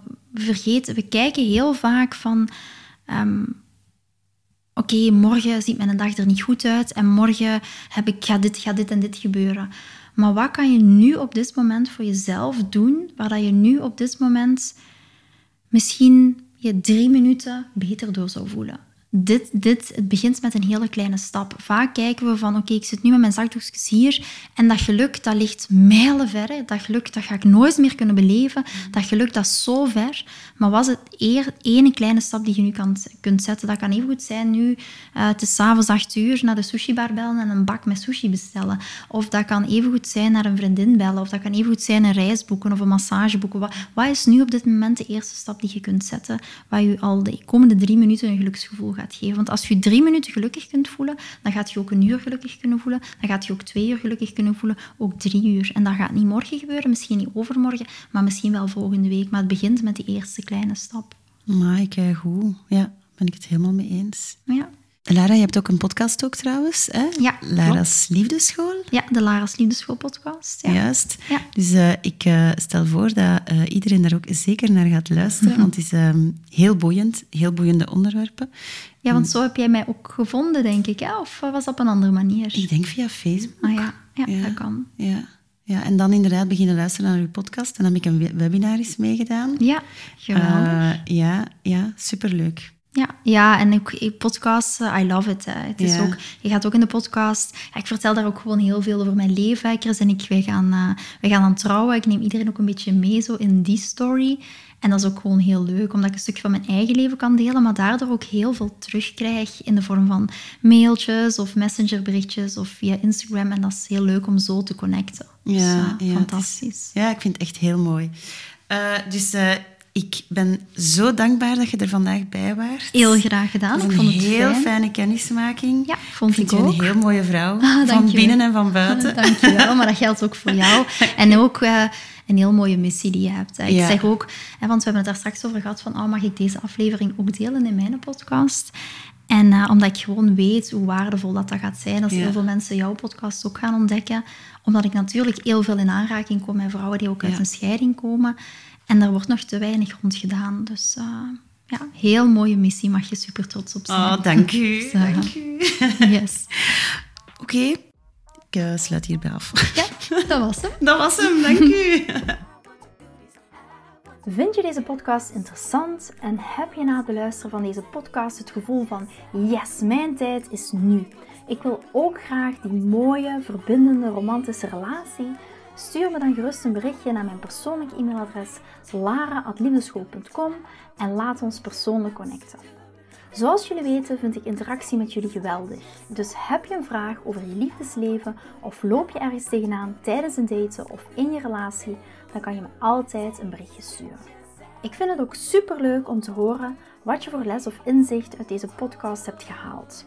Schiet me dus gerust een e-mail naar mijn persoonlijke e-mailadres lara.liefdeschool.com of volg me voor inspiratie op Instagram via dating-relatiecoach-lara.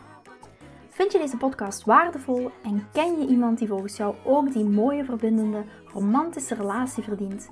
Deel dan gerust deze aflevering.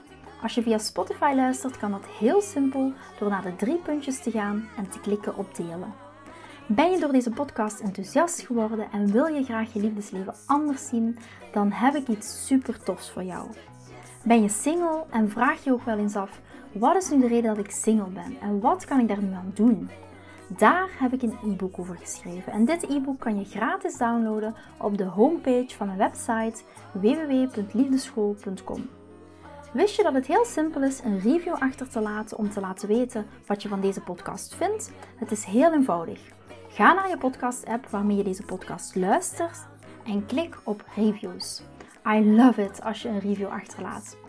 Wil je voortaan alle nieuwe podcastafleveringen overzichtelijk onder elkaar?